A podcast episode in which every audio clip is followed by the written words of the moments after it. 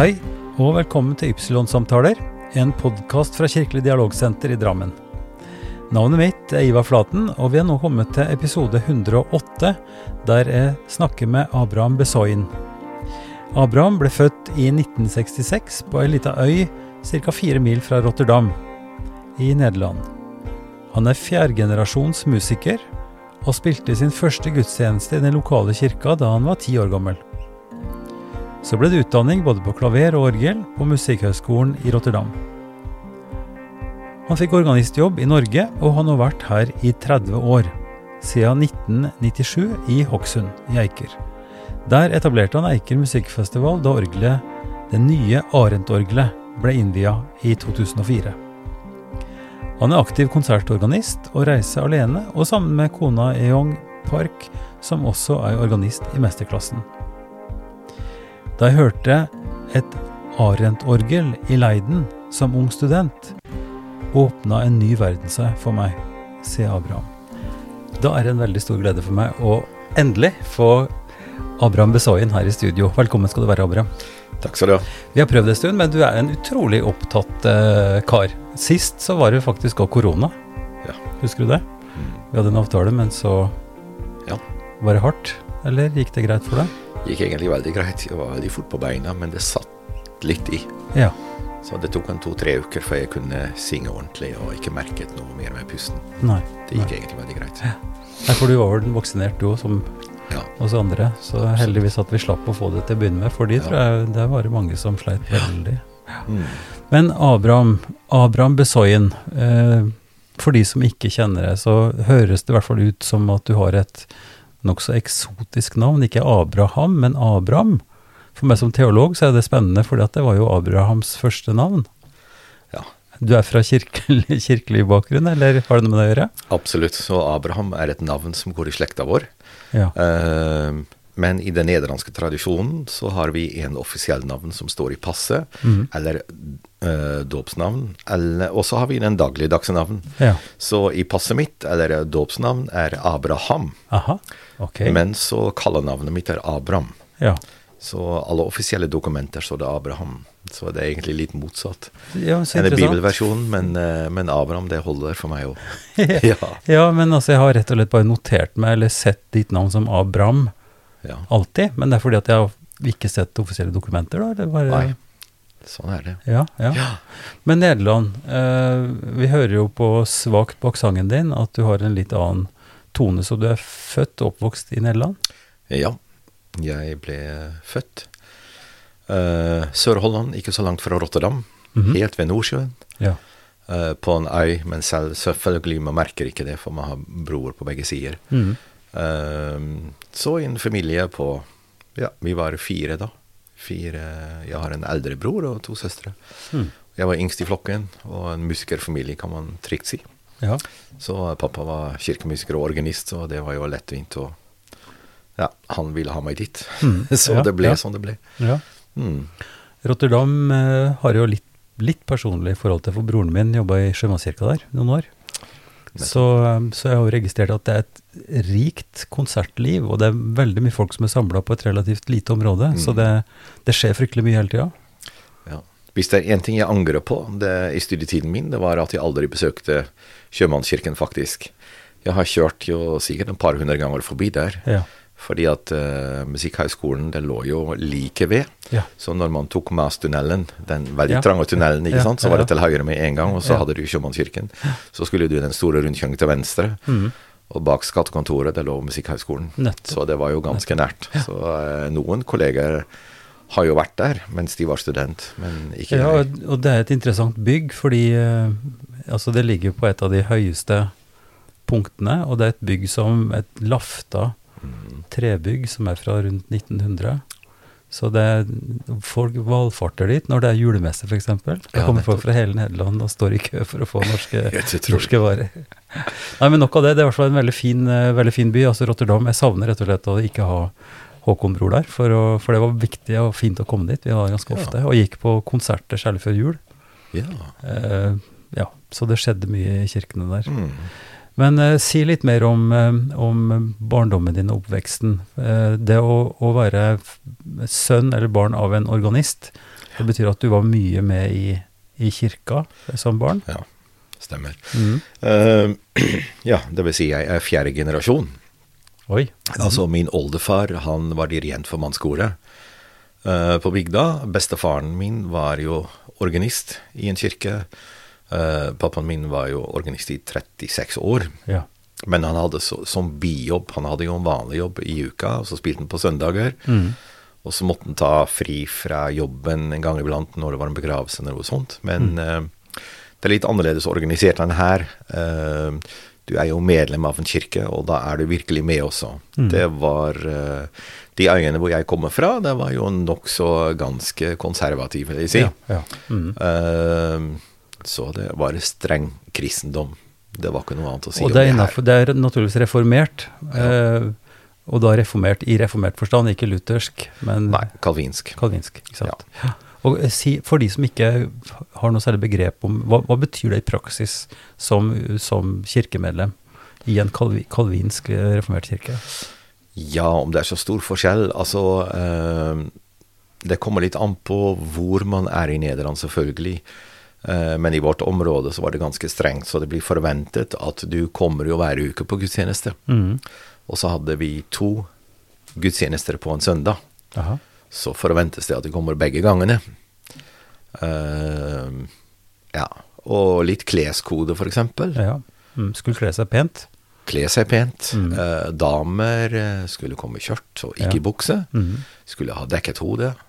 Ja. Det var såpass. Ja. ja. Så det var ganske strengt. Mm. Og eh, da når du er seks år, så, så går du da til kirkens undervisning i en time per uke. Mhm. Og der lærer du veldig mye bibelkunnskap, da. Mm. Eh, så det er det positive, syns jeg, Ja. hvis jeg ser tilbake på det. ja. Eh, det var veldig fint. Og så vet vi at det var en eh, i, fra, overgang fra den katolske til den lutherske kirka her i, i Norge, så, så var det mye som ble tatt ned av bilder og, Mm. og, og, og pynt, eller pynt, altså eh, bilder og skulptur og sånt, og det var det enda strengere i en kalvisk tradisjon, ikke sant? Ja da. Altså, vi hadde jo Vi kalte det for uh, uh, The Beeldenstorm. Altså bildestorm. Ja. Så jeg tror det var bare 1666 eller noe omkring. Ja. Husker det faktisk ikke helt akkurat, men uh, da var det veldig mye som ble revet. Ja, Og det gikk mye tapt også ja en periode. Ja. Og da var det, ble det veldig strengt, så orgelet var ikke lov til å bruke lenger i kirken. Den eh, orgelet ble bannlyst, så en periode Så da hadde man forsangere. Mm. Eh, orgelet bare avledet fra Guds ord. ja. Så eh, det var jo lov til å spille midt i uken til for å underholde litt, da. Og Så orgelet sto fortsatt, instrumentet sto i kirken? sto der fortsatt, og, eh, men det ble ikke brukt. Det tok, eh, det tok et par tiår, men da de største byene startet ganske fort egentlig å bruke det Mm. i gudstjenesten. For de hadde jo fabelaktige store orgler. Ja. Og orgelbyggetradisjonen er jo også veldig interessant. Eh, Det er kanskje litt brått å gå på det nå, men hvis vi sier litt mer om din, ditt personlige forhold, da, for du sa du gikk til litt bibelundervisning eller Mm. sånt noe fra du var ganske liten, og så fulgte du pappaen din, eh, og var interessert i også det. Fikk du låne orgelet noen ganger, spille og sånt, sånn at du kom i gang ganske tidlig med det sikkert? ja, altså pappaen min eh, han underviste en god del elever. Ja. Og eh, han hadde jo spurt meg når skal vi begynne. Nei, det har jeg ikke lyst på. Jeg skal ikke spille, pappa. Nei. Jeg hadde lyst på andre ting. Mm. Men så husker jeg jeg var nesten åtte år, og da var det en elev som var sjuk. Og så sa han nå har jeg et lite hull her, der skal du, nå skal jeg begynne. Mm. Så jeg protesterte heftig, men hadde ikke sjans til å nekte. Så mm. han dro meg omtrent i øret bak orgelet, og eh, da fikk jeg min første time. Det var jo nesten åtte år, og da gikk det jo slag i slag etterpå. For, eh, Fordi du opplevde det som morsomt likevel, eller var det som gjorde at du tippa over? Ja, det gikk veldig lett, egentlig. Det kostet meg ingenting. Ja. Så, eh, så jeg siklet ganske fort av gårde, egentlig, på orgelet. Ja. Og, eh, og så hadde jeg hatt eh, pappaen min i et halvt år, eller noe sånt. Og så hadde han jo snakket med, med en kollega som var en ung fyr som var nesten ferdig med masteren på Musikkhøgskolen i Rotterdam. Mhm. Og så sa han kan ikke du ta Abraham? Så da lurte han meg litt, så jeg møtte han, og så spurte han meg kan jeg spille litt for deg, og, og så videre. Mhm. Og da gikk jeg over til han, for eh, Det er jo kanskje litt kjekkere enn sin Ja. egen far. Ja, så klart. Og da ble jeg der en god stund, Mm. til jeg var lei hele orgelet. Da var jeg ti, ja, nesten elleve år, og da eh, da sa fatteren at ja, men kanskje kan du begynne å spille piano istedenfor. Mm. Så da spilte jeg fem og et halvt år piano.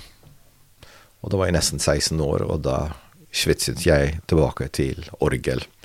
For da hadde jeg noe piano. Men altså, det gjør at jeg har forkjærlighet for begge instrumentene, faktisk. Og jeg Ja. studerte begge hovedfagene. Ja. Ja. Så du tok også din musikkutdanning i Rotterdam, Ja. som du sa. Du kjørte gjennom Basttunnelen. Ja. ja Det, det området du bodde på i øyene, det var et relativt lite samfunn, eller hvordan var det med befolkning og det var jo litt over 5000 som bodde i bygda, men det var jo veldig spredt Ja. bebyggelse. Uh, når vi snakker så mye om dialekter, ja. bare innenfor vår bygda du, kunne du høre uh, tre noen vendinger, altså du visste hvor noen kom fra. Du Ja. hørte det ja. Mm. på vendingene. Ehm, så det var jo et større område, men ikke mer enn litt over fem. Nei. Og så var det jo i hvert fall fem kirker. Mm. Fordi at de reformerte har jo hatt krangel underveis, og så, så stifter de sin egen kirke, Ja, mm. Eller de går ut fra den igjen, og så Ja, så de har mange forskjellige. Den historien den stopper aldri. Folk, Nei. eh, altså, Nei, dess tettere, på en måte, dess større blir spenningen også. Det er ganske interessant. Sånn er det. Sånn er det. Ja, det, men, men akkurat det med språk, det gjenkjenner jeg. Altså jeg er fra, fra Oppdal, Sør-Trøndelag. Og, og det her har jo sammenheng med at, at bygda er litt utstrekt, slik at Mm. folk bor, som du sier, ganske spredt innenfor bygda. Mm. Eh, og med litt mindre kommunikasjon før, Mm. mindre normalisering, mindre radio osv., så, videre, Ja. så så satt dialekta så lenger.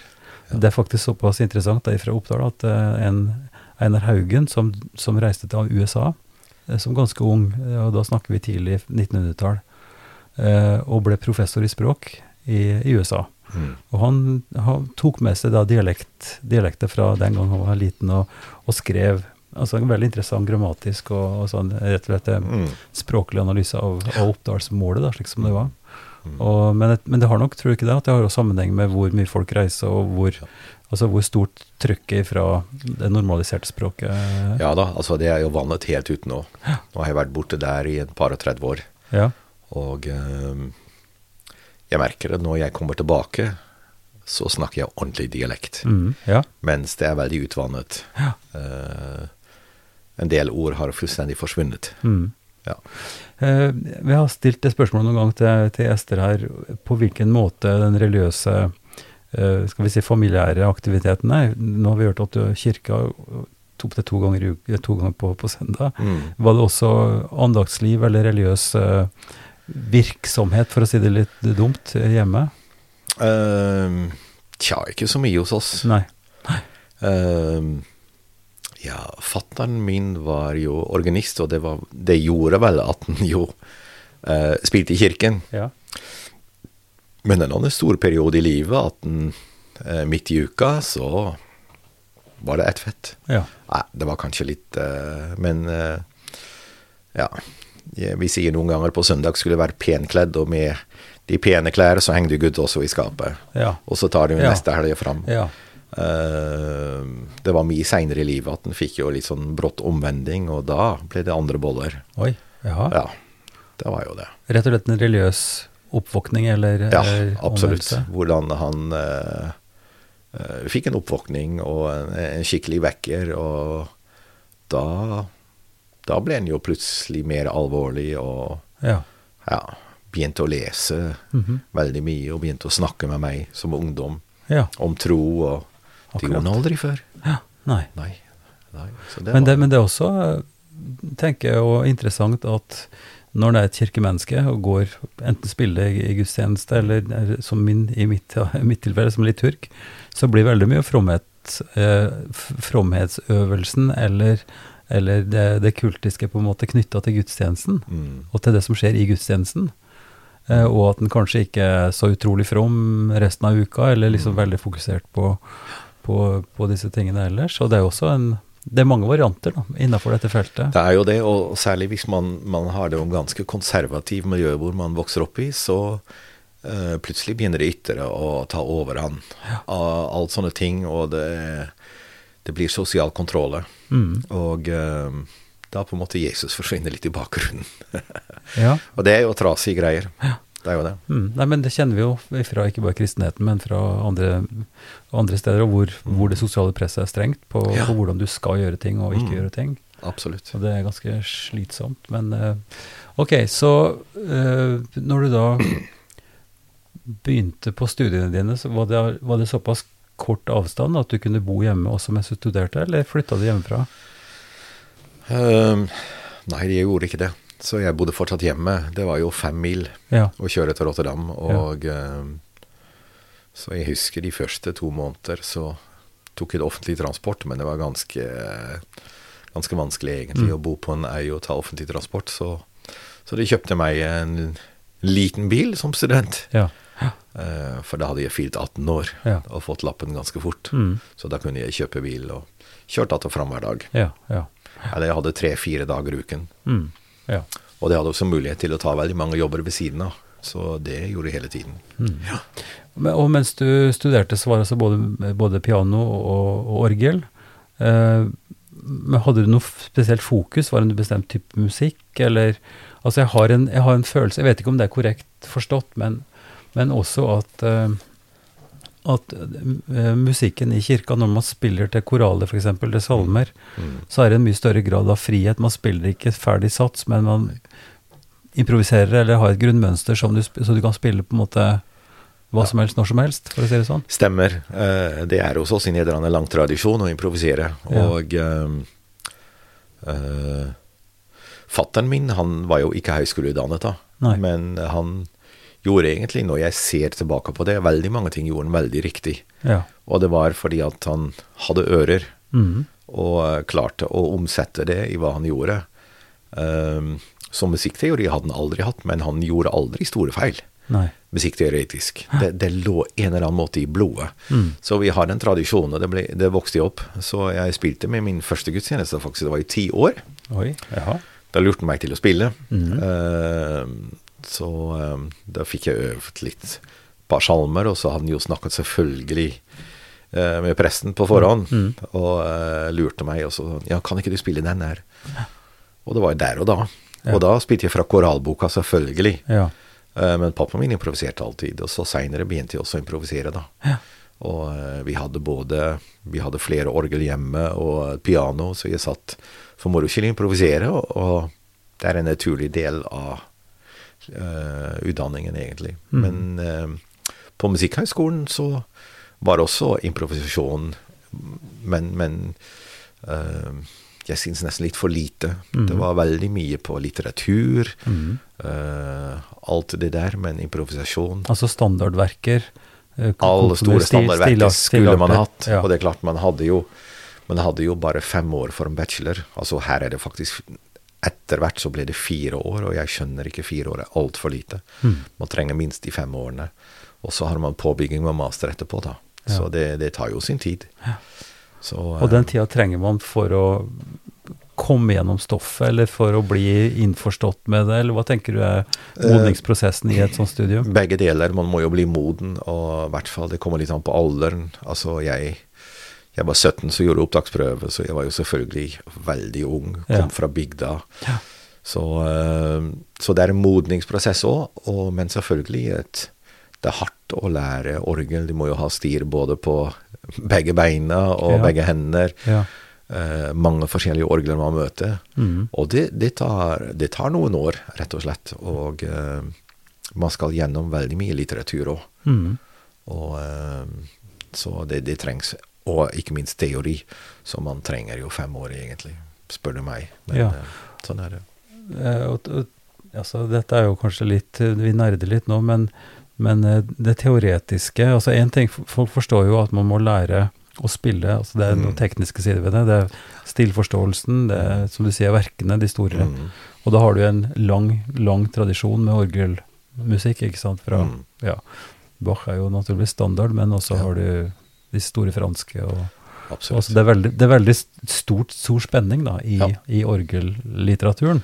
Ikke Ja. bare salmesykkel, liksom. Ikke bare Nei. spille til, til sang, men, men store symfoniske nærmest verker òg. Ja, ja, absolutt. Og det, det tar tid også å beherske de teknisk. Mm. Det er krevende, så det tar sin tid. Nå hadde jeg eh, heldigvis lett for å lære, så det gikk meg ganske fort. Mm. Eh, ellers hadde jeg heller ikke kunne jobbe så utrolig mye ved siden av studiene mine. Nei. Hvis jeg virkelig hadde måttet svette for det. Men, uh, men det krever tid. Sånn er det bare. Ja. Ja, Mm. absolutt.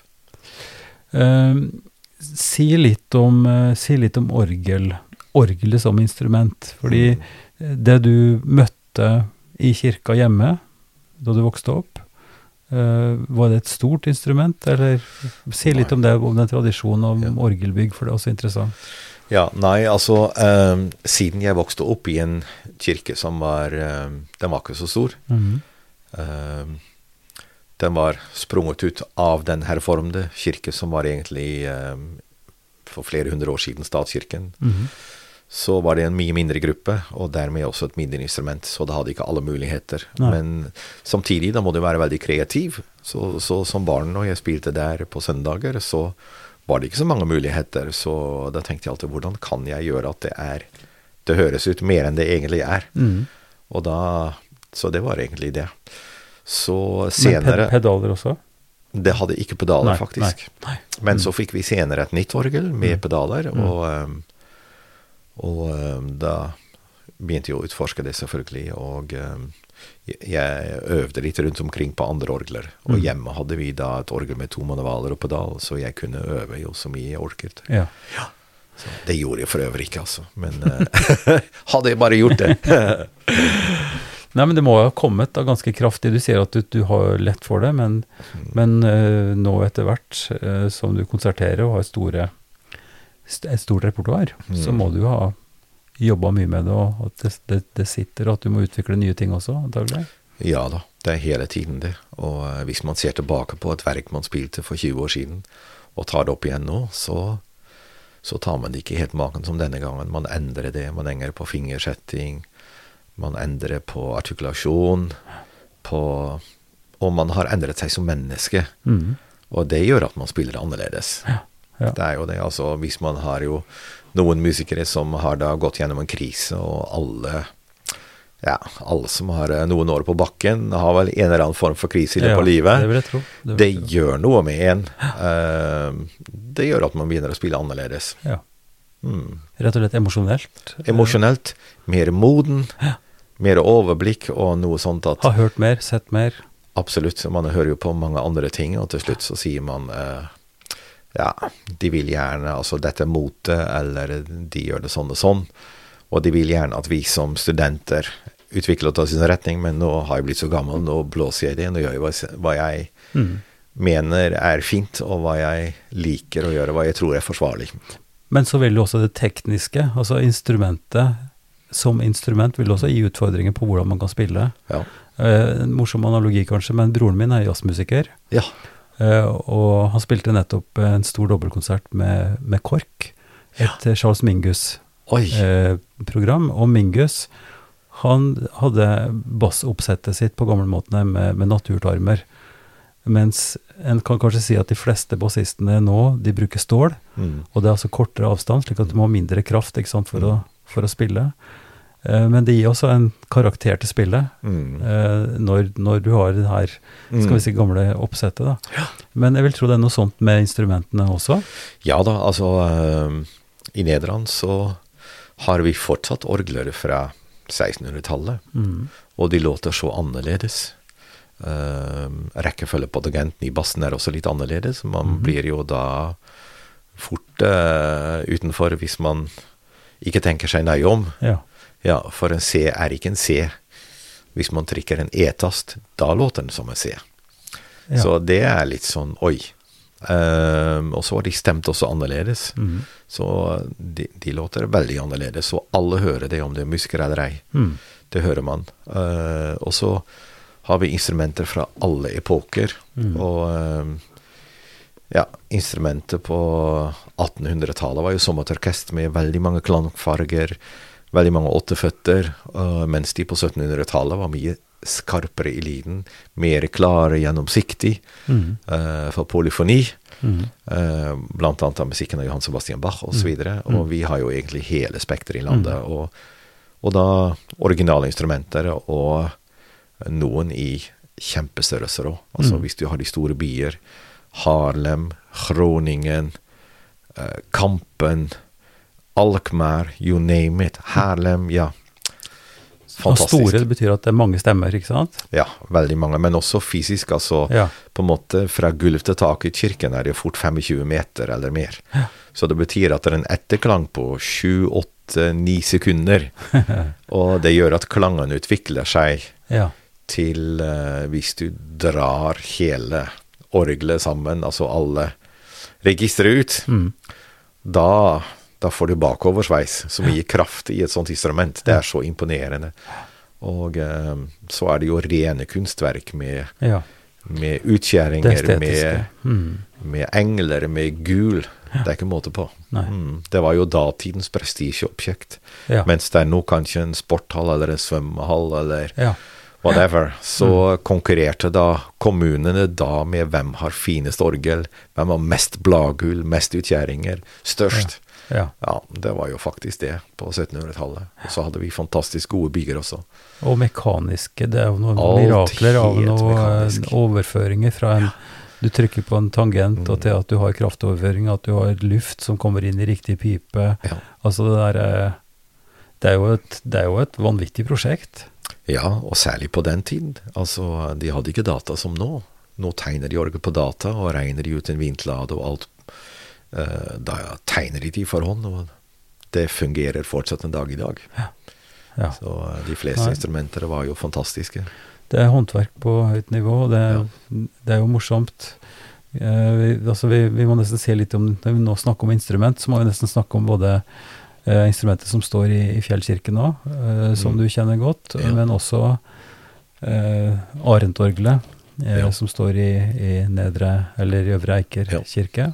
Ja. Eh, som du sto også veldig eh, mye bak. Ja. Eh, og, hva vil du Altså hva vil du si er forskjellen på, på disse orglene? Det orgelet du har, er, er veldig spesifikt. Skal vi si det? Ja, det kan Mm. man si. Det kan man trygt si. Uh, uh, ja, jeg studerte en periode etter at jeg var ferdig med masteren og bodde i Norge allerede. Mm. Da uh, hadde jeg et år. Da var jeg en uke per måned var jeg i Tyskland og Mhm. studerte hos professor Harald Vogel. Uh, rett og slett for å perfeksjonere og for å Inspirator Ja. og veileder. ja. Det var egentlig det det var. Så det var jeg der et år. Mm. Og uh, det var et område med fantastiske instrumenter som jeg ikke kjente hjemmefra. Mhm. uh, så gode og så gamle, Mhm. og de låt jo helt fantastiske. Mm. Eh, men de hadde også noen Noen, noen kaller det handikap, men noen, noen andre ting som du som spiller virkelig måtte ta hensyn til. ja. Eh, du kunne ikke bare spille vilt eller fritt fram. Altså, det begynte orgelet å protestere, altså luften begynte å svike, eller Ja. Ja. Det var måten de var bygget opp på. ja. Eh, Så du måtte begynne å tenke annerledes. Og det, det er eh, Og der vi studerte, en steinkast derfra, hadde vi orgelbygger Arendt. Eh, og han var jo spesialist på gamle instrumenter, barokkinstrumenter. Han Mhm. restaurerte i Norge da Nidarosdomens barokkorgel og Ja. Kongsberg Lågerorgelet. ja. Så jeg eh, Jeg hadde i studietiden min, da var jeg 21 år, hørt et historisk orgel som han restaurerte. Det var i Leiden. Mhm. Det var da organisten kom i meg frem. Jeg hadde aldri hørt noe så vakkert før. Jeg ble helt betatt. Mm. Det var eh, De fleste piper var fra 1600-tallet. Og, og det vil si altså legeringene og hele, Ja. hele oppsettet var Hele oppsettet og på en måte målene på pipene, Uh, måten de er konstruert på, Mm. Uh, det, det grep meg veldig. mm. Ja. Kan, Så- du, kan du sette fingeren på hva det var? Altså, for du hadde hørt uh, utallige instrumenter før. Ja. Du hadde spilt litteratur, masse. Ja så du hadde, du hadde jo på en måte Du var helt marinert i Jo da, men altså på en måte, det var jo stort sett nye instrumenter jeg spilte på. Ja. Det var ikke så mange altså, øh, Øya jeg vokste opp, så var det en stor flo i 1953. Ja. En sånn, ikke Ja sant? visst. Ja visst. Det var jo det. Så ja. veldig mange historiske instrumenter gikk tapt. Rett og slett dikene som eh, Dikene som brast. Ja. Så eh, veldig, veldig mange folk druknet. Vet du, jeg hørte Unnskyld, men jeg Ja. minnes at det var et, rett og slett et hørespill i, i Barnetimen, altså i NRK, da jeg Mm. var i oppveksten, mm, som, var, som var satt til den som en dramatisering av da dikene brast. ja, Og det må ha vært altså da i 53, som du sier. Altså Ja. det, det historiske ja, altså foreldrene mine skulle gifte seg, men de måtte utsette, rett og slett. dramatisk. Det var ganske dramatisk. De måtte flykte fordi at eh, Ja, det sto jo halvannen meter vann i huset. Ja. Og det var ganske heftig, så mange druknet på øya. Så, eh, så dermed gikk veldig mange instrumenter tapt. Ja, nettopp, og ja. eh, de måtte bare byttes ut. Nei, så poenget ditt er at dette har noe med, med alder og med, med tradisjonell bygging å gjøre, Ja og? Så, vi ha, så jeg vokste opp egentlig også på høyskolen, altså eh, Rotterdam. mm. Den store Laurens kirke hvor jeg hadde undervisning, den kirken ble jo bombet sønder og sammen. Ja. Eh, andre verdenskrig. Mm. Så det var også et nytt orgel fra Markussen fra Danmark i, fra 80-tallet.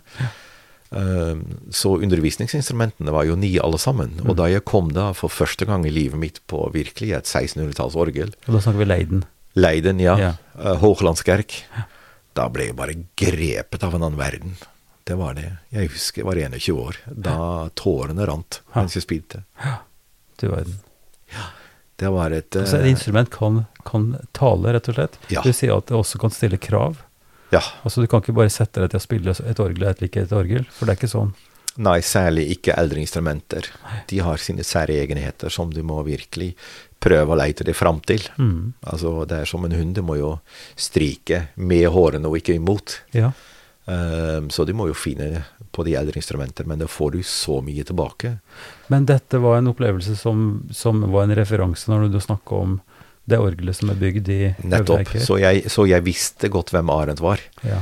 Uh, så kom jeg det på verkstedet, og så hadde han bygd et nytt orgel i området, som jeg tenkte wow, det var fint.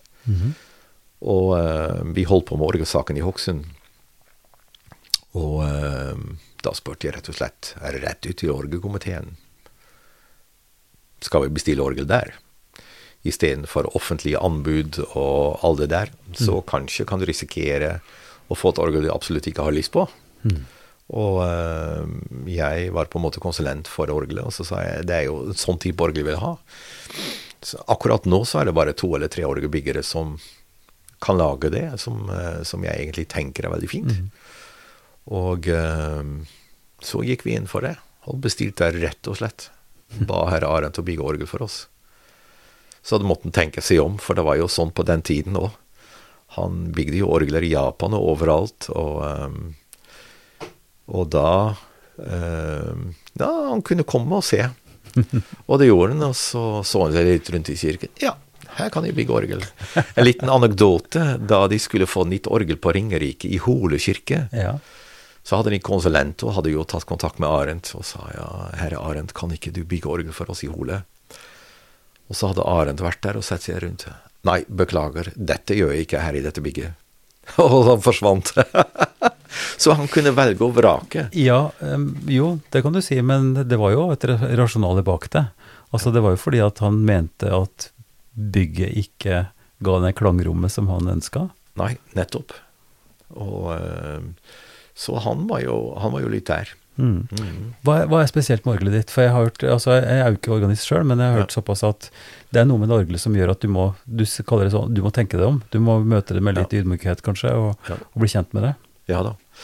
Og uh, for det første så er det veldig lettspilt. Så bare du ser på tangentene, så flyr de allerede. Uh, så det gjør at du uh, Du må ha kontroll, Mm. med andre ord. Mm. Tassene er kortere. Aha. De er litt mindre enn moderne orgler. Pedaltastene er jo også mindre, og kortere øvertaster. Eh, så det gjør at vi må spille på en annen måte. Og eh, Hva, hva er grunnen til det? Hva er, hva er det er gammel standard. Gammel standard. Det er gammel standard som vi hadde det på 1700-tallet. Ja. Mm. Så instrumentene har jo, de nye instrumentene har like store tangenter som et flygel. ja. Eh, Bragernes kirke, Ja. som er jo da et romantisk instrument, mm. har jo selvfølgelig store eh, taster og et moderne pedalklavier. Mm. Som eh, Dermed kan de også spille alle de store franske eh, romantiske verkene der, som overhodet ikke går i Hokksund. Eh, så har vi litt færre tangenter, og så er orgelet stemt annerledes. eh, I en ulikesvevende stemming, som det heter. Det vil si at per oktav har vi tolv toner, og så er det en antall hertz fra C til neste C med de tolv toner. Og så deler vi det matematisk på tolv, og så har vi tolv halve toner som er helt like. Uh, I barokktiden så var det ikke slik, så noen halve toner var større enn andre. Mm. Og det gjør at noen andre må jo selvfølgelig bli mindre. Eh, det gjør at noen tonearter låter mye reinere, og noen låter mye surere. Nettopp. Og det gjør at når en komponist eh, fra barokktiden skrev da i e-moll, Mm. så var det en veldig trist toneart. Du hørte det, li, altså lidelse hørte du i musikken. På et moderne orgel er det fullstendig borte. Det er ett fett hvilken toneart du spiller, omtrent. Ja, ja. Ikke sant? Alt er låter jo likt. Dette er bevart i det instrumentet du spiller på? Ja, så uh, det orgelet jeg har, er jo stemt ulike svevende. Det er litt moderert. Ja. For uh, det var jo 2004, og jeg, jeg tenkte denne gangen var Norge ikke moden, og hadde jeg på en måte forsvunnet der, så ville de ha ombygget det eller stemt om. Mhm. Nå er det mye mer akseptert. Og, Mm -hmm. Blitt nei, det, god. Ok, det, det, her det er det er kjempeinteressant. eh, Og vi kunne også snakka om, om designet, altså det mirakuløse i et orgel, Mm. med alle disse overføringene og vindladene, altså Ja. vindtrykket, hvordan det Ja. organiseres mekanisk eller Ja, datastyrt. Men, det, men det kan vi ikke ta opp. Nå må vi gå på det personlige. Fordi Ja. når, du, når, du da hadde tatt din master og hadde tatt eh, videreutdanning osv., eh, hvor- hvordan i all verden havna du i Norge? Ehm, ja, det vil si jeg var gift denne gangen. Ehm, og ehm, ja, vi satt bare og snakket og ble litt inspirert. Hva skal vi gjøre? Mhm. Eh, skal vi bo her, eller Mhm. skal vi finne på noe annet? Mm. Hun hadde veldig lyst til å komme seg ut, og eh, da så vi tilfeldigvis en annonse i Fagbladet hvor de annonserte for Organist i Norge. Ja. Så det var egentlig sånn det begynte. Ja. Søkte, og ehm, da var det en engelskmann som fikk jobben. Ja. Så jeg ble ikke innkalt, men så kom det en annonse til, og da fikk jeg jobben i Høyanger i Sogn. Jaha. Så det var første jobben, og det bodde litt over fem år. Fem år Ja. i Hardanger. så jeg lærte nynorsk mens jeg bodde der, ja. Ja. Så eh, da var jeg over fem år. Ja. Mm. Eh, Reiste rundt og spilte på flere, flere orgler antakeligvis i, i området. eh, Ja da. Som kirkeorganist. Ja da, jeg Mm. var jo eh, Vi hadde jo fem eller seks spillesteder. Ja. Så, men vi var to kolleger, men vi bodde jo seks mil fra hverandre. Det var Mm. jo store avstander. Mm. Ja. Så det kunne hende at jeg måtte jo kjøre att og fram eh, 20 mil for en gudstjeneste. Og begravelser og For en begravelse, og- og så måtte man ta ferje i tillegg. Mm. ja. Sånn, eh, sånn var det. Eh, Hadde du da starta opp også med turnering og, og konsertspilling samtidig som du var der? Begynte med det, men det klarte jeg fant ut det er ganske tungvint derifra. For det første, det var kjempedyrt å fly fra Førde, og eh, Men ja, du kunne risikere å måtte kjøre seks timer for en orgelkonsert. Ja. Og det, eh, det var svært tidskrevende. Ja. Og det var vel også, etter hvert også grunnen til at det kom et ønske for å flytte seg eh, østover. Mm. Mm. Ja. Så når, når kom du hit? Du sa du bygde orgelet i begynnelsen av 2000? Ja, altså jeg kom hit i 1997, Ja. Så det vil si eh, 1. oktober har jeg vært her i 25 år. Oi. Ja. Ja, og eh, så orgelet som var, var i elendig forfatning. Og så var det veldig mye om og men. Hva skulle vi gjøre? Skulle Mm. vi restaurere det? Det var et orgel fra 1860, som var jo egentlig lite instrument, som hadde blitt ombygget så krass og ødelagt egentlig på 60-tallet. Mm. Og eh, jeg var villig til å se på det og rekonstruere det, men jeg tror hadde det vært i dag, så hadde man hatt mye større kunnskap til å gjøre den jobben enn det var mm. denne gangen. Samtidig var det en hovedkirke, en prostikirke. å ha et så lite orgel var ikke så interessant. Nei.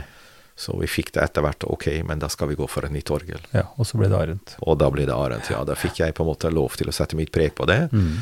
Og ehm, Og det gjorde at orgelet ble som det ble. Mm. Ellers hadde det aldri blitt sånn. Det er ingen tvil om.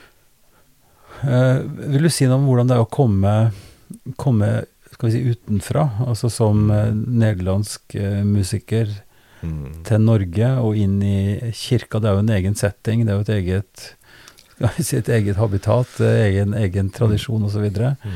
Hvordan har du følt på det? Å finne din plass liksom i, i en norsk uh, kirkelig setting? Det gikk egentlig ganske greit, må jeg si. For uh, jeg hadde jo vokst opp i kirken. Ja. Så jeg, det var ikke så stor forskjell. Det var jo selvfølgelig luthersk, du har jo en annen liturgi. Mhm. Eh, men det lærer man ganske fort, og så ja, blir man veldig fort glad i det. Det må jeg si. Mm. Så eh, det er mye musikk her på gudstjenestene, og Eller i gudstjenestene, og eh, Nei, det, det passet meg utmerket. Hvor- Hvordan vil du si utdanninga i forhold til norsk kirkemusikalsk utdanning? Mm, tja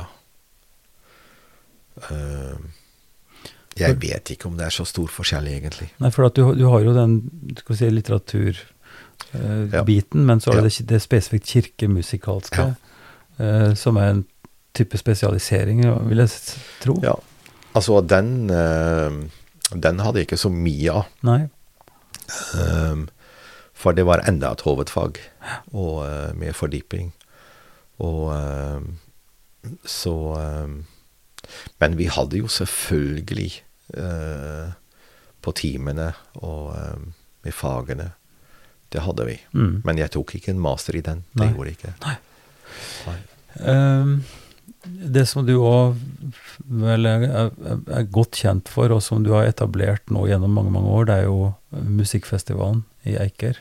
Mm. Ehm, og jeg må si, eh, når jeg gikk på disse svære konsertseriene, annet en som heter Lowsink, som har barokkor og et stort Mm. eh, Ikke sant, så det var jeg tror det, det kan nesten si det var big business. Ja. Han dro rundt hele, ikke sant, i hele landet og fylte svære kirker, og Mm. det var et var veldig flott konsert, men også eh, mye publikum. Og der er vi jo liksom på et litt annet sted, da, for å si det forsiktig. Absolutt. Så hvordan eh, Altså, hva, hva, hva, hva tenkte du? Hvordan tenkte du når du bygde det opp? Hvordan ser du tilbake på dette arbeidet du har gjort nå i mange år?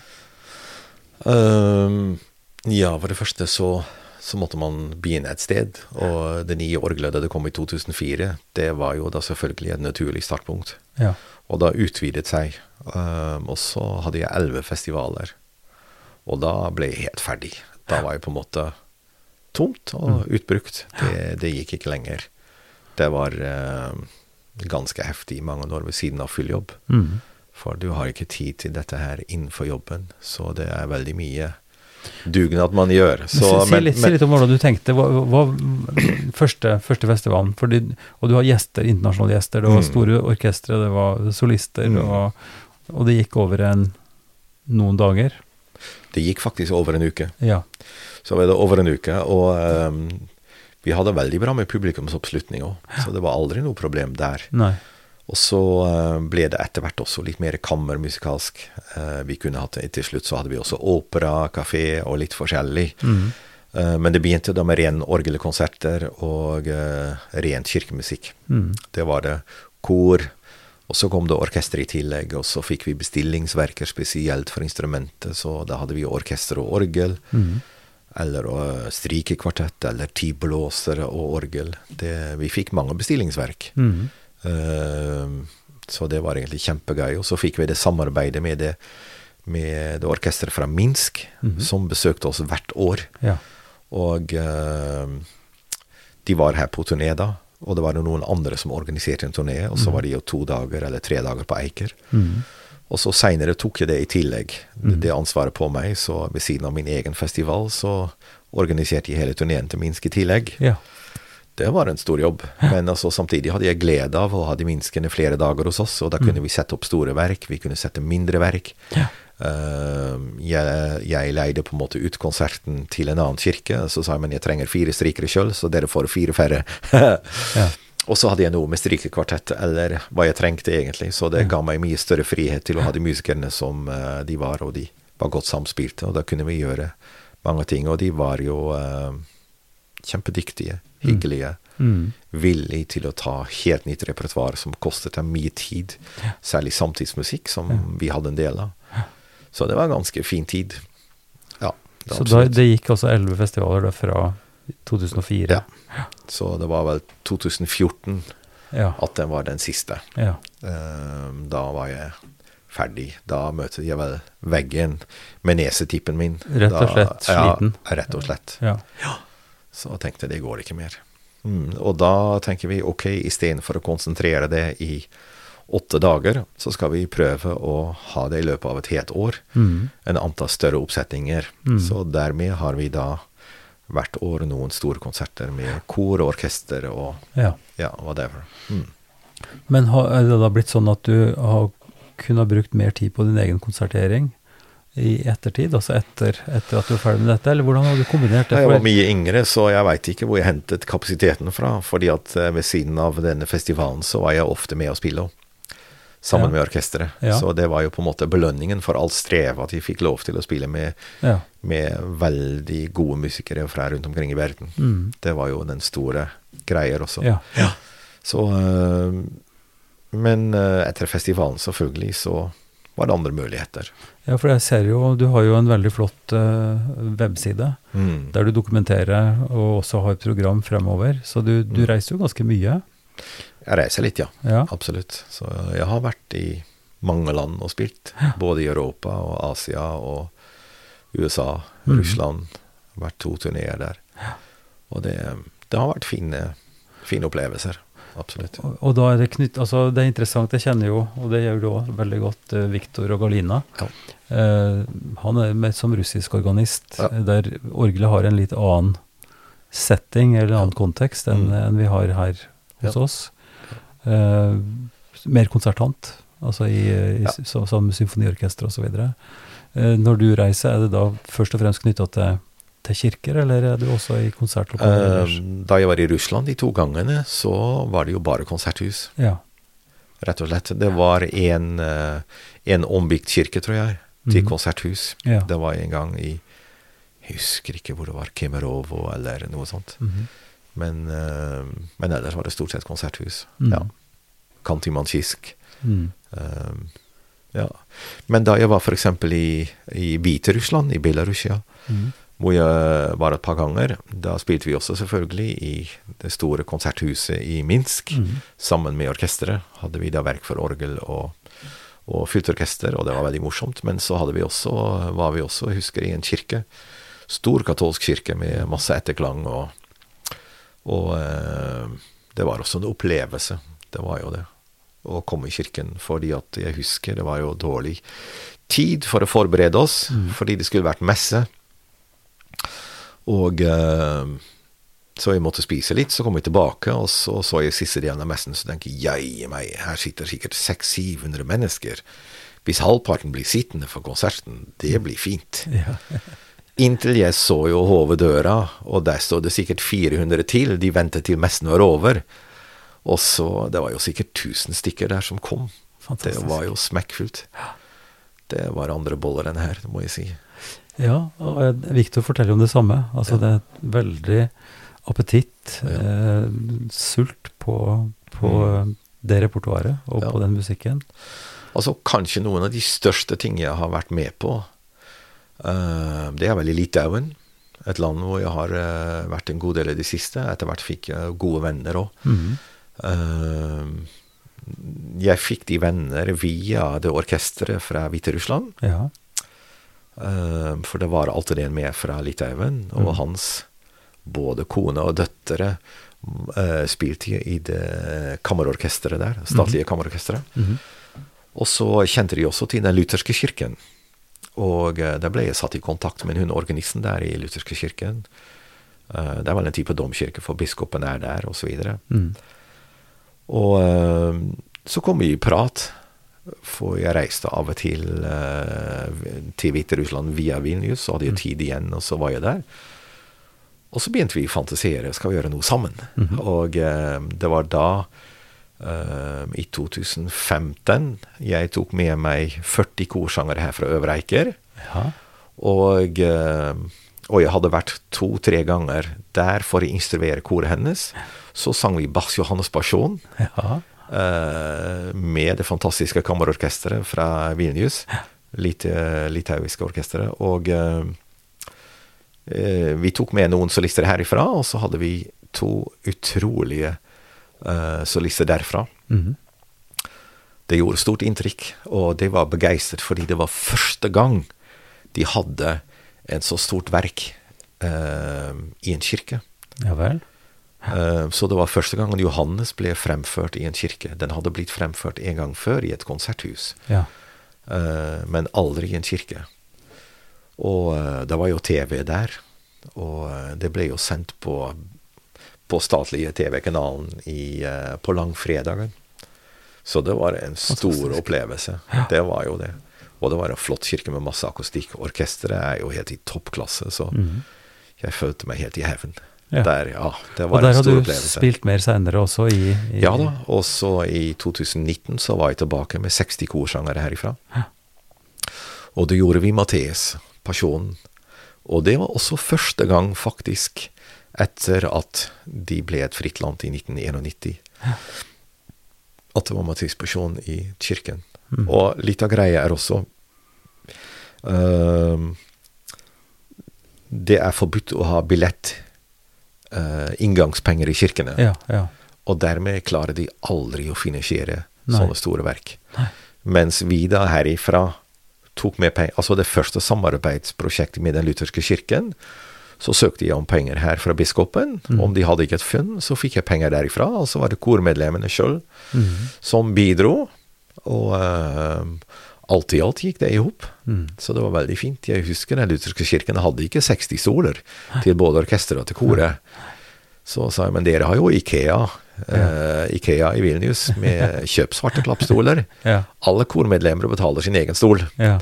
Så da kjøpte de 60 stoler som vi betalte, Ja. og eh, det var jo fantastisk.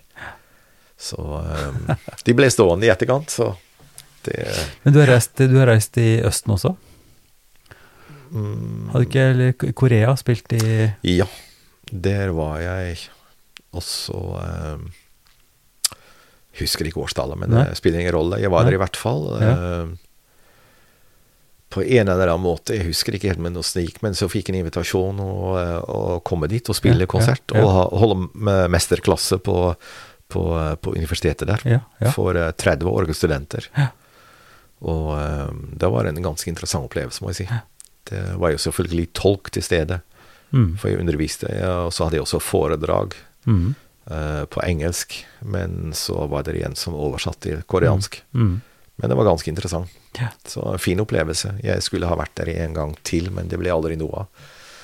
Uh, men jeg har fortsatt kontakt med universitetet av og til. Og så har jeg vært på et universitet i Japan og spilt. Så fantastisk opplevelse.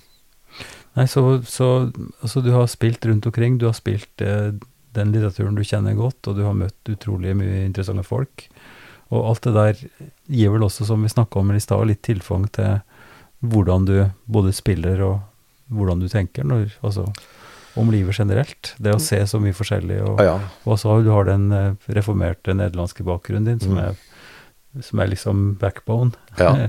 ja. Og så ikke sant, alt det andre som du, du har tatt med deg. Hvordan tenker du det tilfører kirka, eller, eller kirkemusikken, eller kunsten din eh, verdi? Ehm, altså, det er klart at musikk er viktig i kirken. Ehm, når det skal være salmesang, så skal det jo helst bruse. Så skal mm. det være god. Altså, det skal være godt å synge til. Mm. Og øh, det prøver jeg å bidra så godt jeg kan. Mm. Så har jeg også etter hvert roet meg ned. Jeg husker i Høyanger, de var jo veldig takknemlige, men jeg kunne jo slå til med, med en salme, en, eh, et vorspiel, som, altså en intro til salmen, som var ganske samtidsmusikk. Ja. Cluster, eh, dissonanter som de ljomet etter, og helt utrolig, de godtok alt. de syntes det var bare flott. Og så har jeg moderert meg veldig ja. ja, med åra jeg blir eldre. Nå jeg tenker Hvis de vil høre en konsert, så kommer de på konsert. Mm. Når jeg spiller gudstjeneste, så må det være eh, eh, Ja, jeg tar jo uh, salmoforspill. Mm. Måtte ikke veldig vanskelig. Det må være enkelt. De må høre melodien. De må høre det tempoet de skal synge i. Ja. Sånn er det. Og uh, briljere kan i et annet sted. Men mm. selvfølgelig skal det være pent og fint, det man gjør. Ja. Nei, og det er, i, i, vår kirke så er jo salmesangen og salmene en veldig, veldig sentral del av hele gudstjenesten. Mm. Sånn at, at, den, at, den, både at den inspirerer til sang, og at ja. den også kan støtte sang, er jo et, en veldig vesentlig del av ja. hva som gjør en gudstjeneste. Ja. Så det Du, Abraham, jeg takker deg for at du gadd å komme og snakke både om musikk og om bakgrunnen din og, ja. og sånn. Og nå, nå, har du jo litt mer i, imellom hendene enn du har hatt før, med et, med et lite barn i huset. Ja, men det er også veldig koselig. Det er også en inspirasjon, vil jeg forestille meg. Det er jo det. Og mm. så um, Nå har vi ikke spilt så mye i det siste, men da jeg fikk henne hjem da hun var eh, seks dager gammel, så ja. satte jeg henne på fanget mitt. Og så spilte jeg Bach for henne på husorgelet mitt. Ja. og dagen etter samtidsmusikk. Ja. så um, hun skal få med litt musikk i, uh, i blod også. Og, og, kona di også organist? Dere ja. gjør en del sammen? Ja, absolutt. Så uh, Ja. Uh, jeg giftet meg for et par år siden med henne, da. Ja. Og så hadde vi kjent hverandre en liten stund. Mm. Hun er fra Sør-Korea. Ja har jo sin bakgrunn derifra, også, men også i kirken. Og mm. har jo studert mange år i Tyskland mm og uh, ble organist, da. Og har også som et kall å stå i kirken og ja. være organist og være tjener. Ja. ja og det, det, tror jeg er veldig viktig. Det er, uh, det er jo egentlig det Litt den gamle måten. Ja, altså det å stå i en sammenheng, stå i en ja i en som du sier, en tjeneste. Det, det, det merker en jo veldig godt også i, i samarbeidet. At, eh, at, at, musikken og fellesskapet i kirka mm. går inn i en, i en større helhet som, mm. eh, som, er med på både løfte en sjøl og andre, ja, eh, i, i, beste fall. Og der er musikken utrolig viktig. Så mm. Takk for praten nå. Lykke til med arbeidet i musikken videre, og, og med familien også. takk, takk. Vi er nå godt inne i vår tredje sesong av Ypsilon-samtaler siden starten i januar 2020. Samtalene de går videre, nå også etter at uh, undertegnede Ivar Flaten har blitt pensjonist, så fortsetter jeg å produsere disse samtalene for Kirkelig dialogsenter i Drammen. Podkasten støttes av Barne- og familiedepartementet, av Einar Juels legat, og ikke minst fra Drammen kommune gjennom eh, IMDi-midler. Du kan uh, lytte til andre episoder og se oversiktene hvis du går til www.ypsilonsamtaler.no. Skriv også gjerne en e-post, og da kan du bruke eh, adressen ivar krøllalfa ifd.no. Vi høres.